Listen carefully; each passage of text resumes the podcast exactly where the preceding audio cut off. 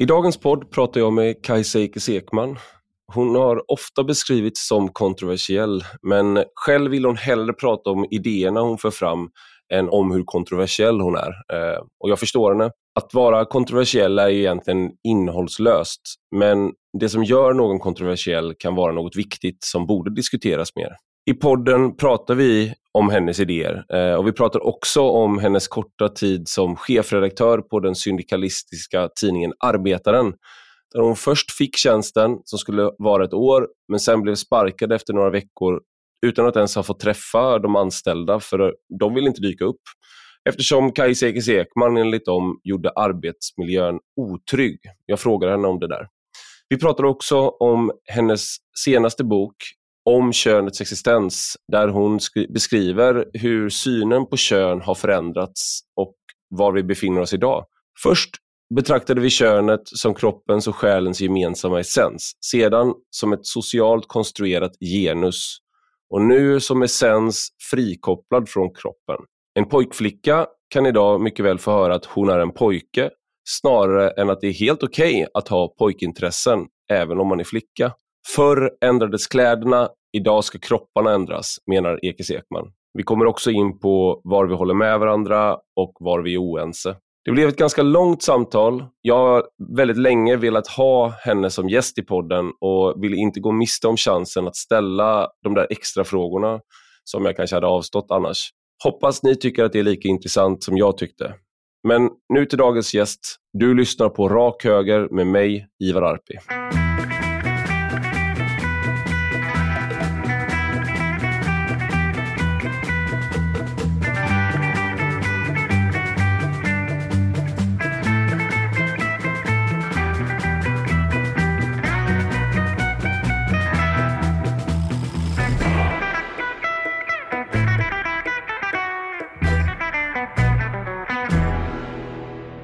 Välkommen Kajsa Ekis Ekman till Rak Höger. Ja, men tack så mycket.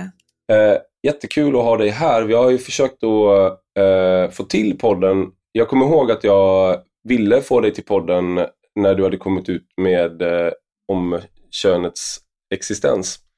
Eh, eller könets existens men då var det väldigt, det blev otroligt mycket debatt då eh, kring boken och kring dig och då var det liksom inte riktigt läge att vara med i min, i min podd tror jag. Det var andra saker som att skriva texter tror jag trumfade. Du skrev att jag måste skriva texter först. Så vi hörs sen.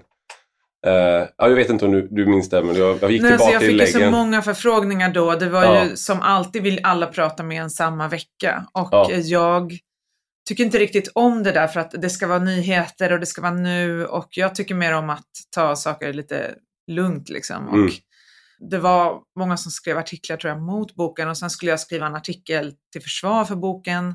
Så jag liksom koncentrerar mig väl på det. Ja.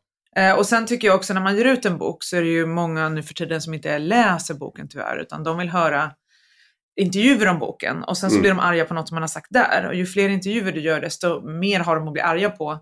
Eh, och desto mindre anledning har de att läsa själva boken. Så att mm. jag vill ju liksom egentligen inte säga något när jag har släppt en bok, utan ni får läsa den. Mm. För här har jag suttit i fyra år och tänkt ut allting. Ja. Och sen sitter jag och säger bla bla. Det är ju inte det som är meningen. Liksom. Du säger, och det kan vara en ordvändning som inte blir hundra i typ radio. Och sen handlar allting om det. Sen handlar allting om det och sen har du ju inte alla siffror till hands heller när du sitter och gör intervjuer, vilket du har när du skriver. Mm. Jag, jag eh, eh, förstår det där för att jag var ju många som, det var bland eh, Jämställdhetsmyndigheten gav ut en plan för hur man skulle bemöta genusdoktrinen som jag och Anna-Karin Windham skrev. Eh, som jag nämner i varenda podd jag gör för att jag måste nämna att jag har skrivit böcker tydligen för mina lyssnare. Eh, men då gav de ut en plan för hur man skulle bemöta den och den gjorde de, baserade de på baksidestexten. För att de hade inte läst boken, för vi visste ju att boken har inte gått ut till någon. Ja, den hade inte kommit ut än. Nej, mm. så då var det liksom en del i det där var att också fråga dem så här, hur kommer det sig att ni, om ni är PR-personer så här, varför är ni så oseriösa att ni inte ens läser boken om ni ska bemöta den här? Det hade, blev ju ingen bra... Jag fick inga bra svar eftersom det var ju liksom såklart inte någonting som man kan svara bra på. Men jag tänkte vi, jag, vi ska komma till om könets existens, som jag säger fel. Könets existens heter den. Nej, den heter om könets heter existens. Heter den om könets? Ja. Okej, okay, mm. jag har skrivit fel. Den heter Om könets existens ja. och jag har skrivit fel i mina anteckningar och rättar mig själv så att det blir fel. Eh, men nu tänkte jag vi skulle börja ändå med det som har skett nu senast på Arbetaren där du tillträdde som chefredaktör och eh, som, om man läser vad som står skrivet om det här så verkar det som att eh, du kommer dit och eh, Arbetaren är då en eh, syndikalistisk tidning och, och du ska börja och plötsligt så verkar så är eh, de anställda, de vill inte vara där när du kommer dit och du kommer till liksom ett tomt... Vad var det, skulle du kunna beskriva, jag vet att du har skrivit om det och nu har vi precis pratat om att man, inte, att man ska skriva istället för att prata, ja. men skulle du kunna beskriva vad det var som... Nej, alltså jag har ju skrivit en artikel om det som hände, vilket bara är liksom en redogörelse för ungefär det här var vad som hände och jag fattar inte riktigt själv varför. Mm. Eh, det vet inte jag eftersom jag aldrig fick prata med dem och mm. inte riktigt ledningen heller. Så det var jättekonstigt. Alltså jag skickade mail till de som jobbade där så här, ja, vill ni komma in och prata liksom? Mm. Um, jag skickade mail till ledningen så här, vi kanske borde ha ett möte. Mm. Um, ni kanske borde lyssna på vad jag vill göra med tidningen eller jag vill gärna lyssna på er.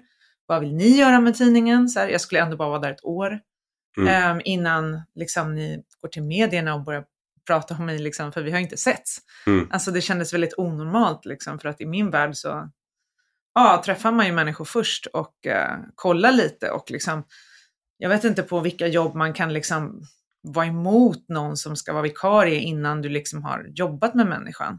Nej. Det vanliga är ju typ att du jobbar på och gör ditt bästa och sen om det blir problem, mm. då får du ju ta det då. Då får du ju säga det här funkar inte för det här och det här. Då får du ju ta det med den personen och sen får man liksom gå vidare om det inte funkar. Men liksom allting var väldigt artificiellt. Mm.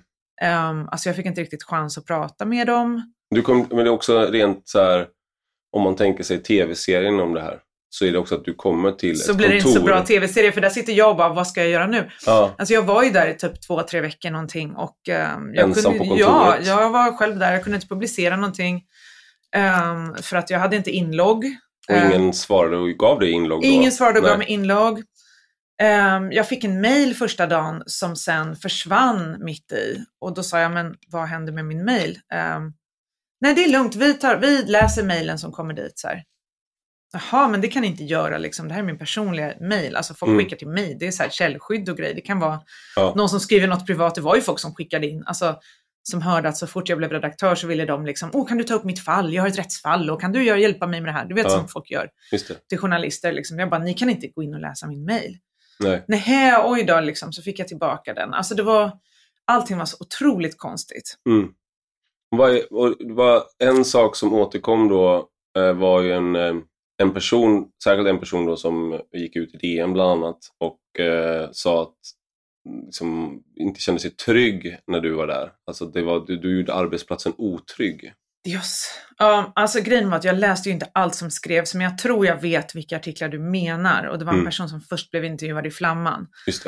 Och till saken hör att den här personen jobbade inte där. Så mm. att det var konstgjort från början till slut. Så hon var otrygg fast hon var inte där? Det här var en person som hade begärt tjänstledighet i juni.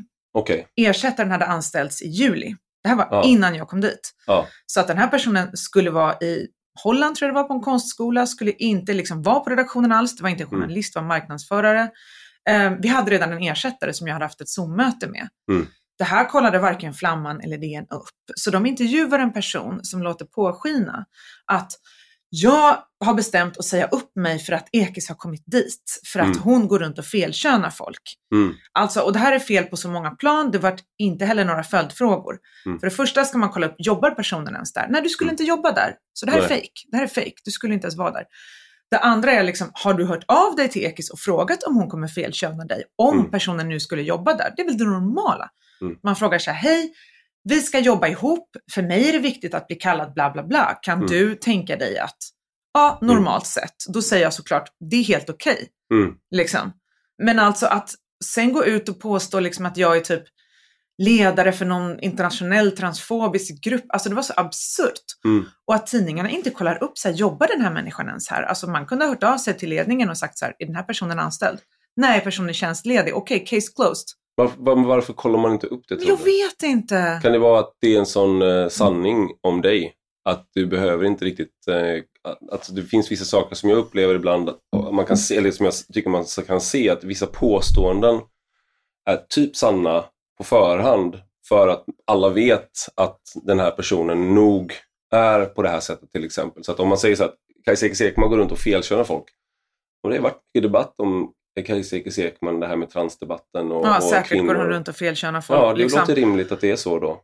Ja, och jag menar, även om det var så, så jobbade personen inte där. Eh, och hade inte skickat något in, någon eh, ansökan om att säga upp sig. Så Nej. det där stämde inte, det skulle du bara kolla upp. Och för det andra, liksom, jag vet inte så här, vilket arbete man gör så. Alltså dömer mm. folk på förhand. Och jag menar, för mig är det så här, det är som att göra om liksom, politiska och ideologiska debatter till personliga frågor. Mm.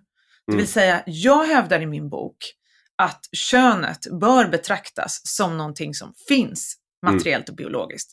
Sen finns det också genus, det finns också kulturella konstruktioner som ligger på det här, men själva liksom könet i grunden, det existerar. Det är mm. liksom ingen konstruktion. Okej, okay.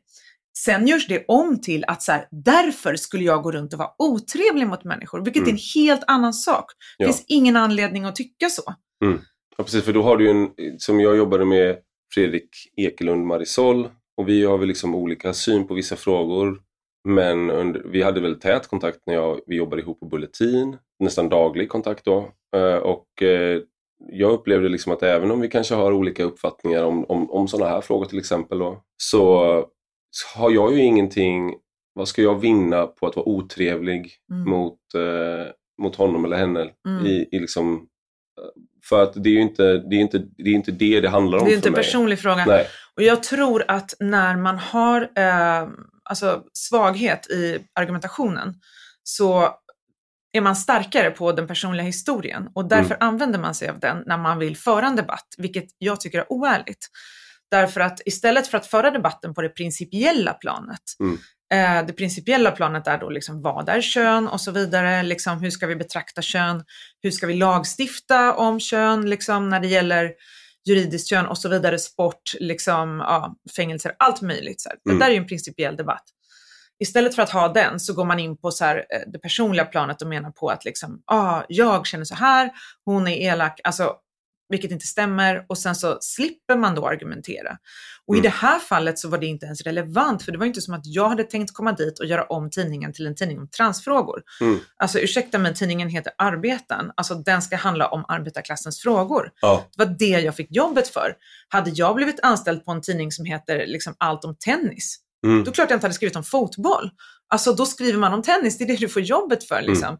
Så att de inte ens kollade typ vad är det jag har för intresse att göra under det här året jag skulle vara där. Mm.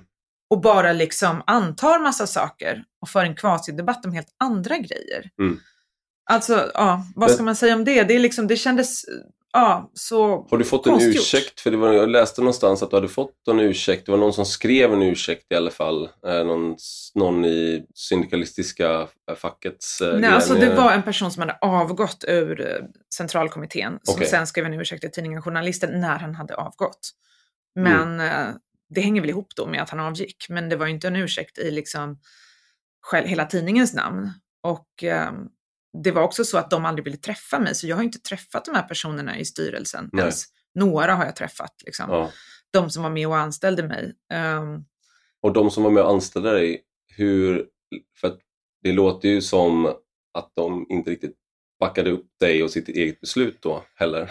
Nej men alltså de äh, blev utmanövrerade, de blev avskedade också, de fick gå. Okay. VDn fick gå, äh, nu har ju hela SACs generalsekreterare avgått på grund av det här, så det är ju mm. liksom har blivit hela havet stormar av det här. Och jag tycker liksom att oavsett hur man betraktar olika politiska frågor så finns det också något mänskligt. Mm. Man måste bemöta människor på ett mänskligt sätt. Du kan inte bedöma människor innan du träffar dem. Mm. Du kan liksom inte tycka saker om folk innan du vet liksom hur de är. Mm. Eh, för om vi ska prata på det personliga planet, då är det det personliga planet. Liksom. Mm. Då borde de ha kommit in och så här, ja, är du en sån där som felkänner folk, typ så här, tja, ja. kan vi ses? Alltså, då är det det planet. Men de vill ju inte bemöta mig på det planet. Eh, vill du bemöta mig på det ideologiska planet, så här, då kan vi ha en sån debatt. Mm. Men jag tyckte fortfarande inte det var relevant för det här. För att lyssna på hela avsnittet kan du bli betalande prenumerant, vilket du kan bli på ivararpi.substack.com eller ivararpi.com. Båda adresserna fungerar. Och för 5 euro i månaden eller 50 euro om året så får du både allt gratis material men du får också ta del av diskussionstrådar som bara är för betalande prenumeranter. Du får tillgång till vissa podcastavsnitt som bara är för betalande prenumeranter och vissa texter som bara är för betalande prenumeranter. Och jag har ingen reklam, jag har ingen tar inte emot några pengar från marknadsföring eller liknande, utan jag förlitar mig helt och hållet på er läsare och lyssnare. Så genom att bli betalande prenumerant så gör ni det möjligt för mig att fortsätta att vara en självständig röst.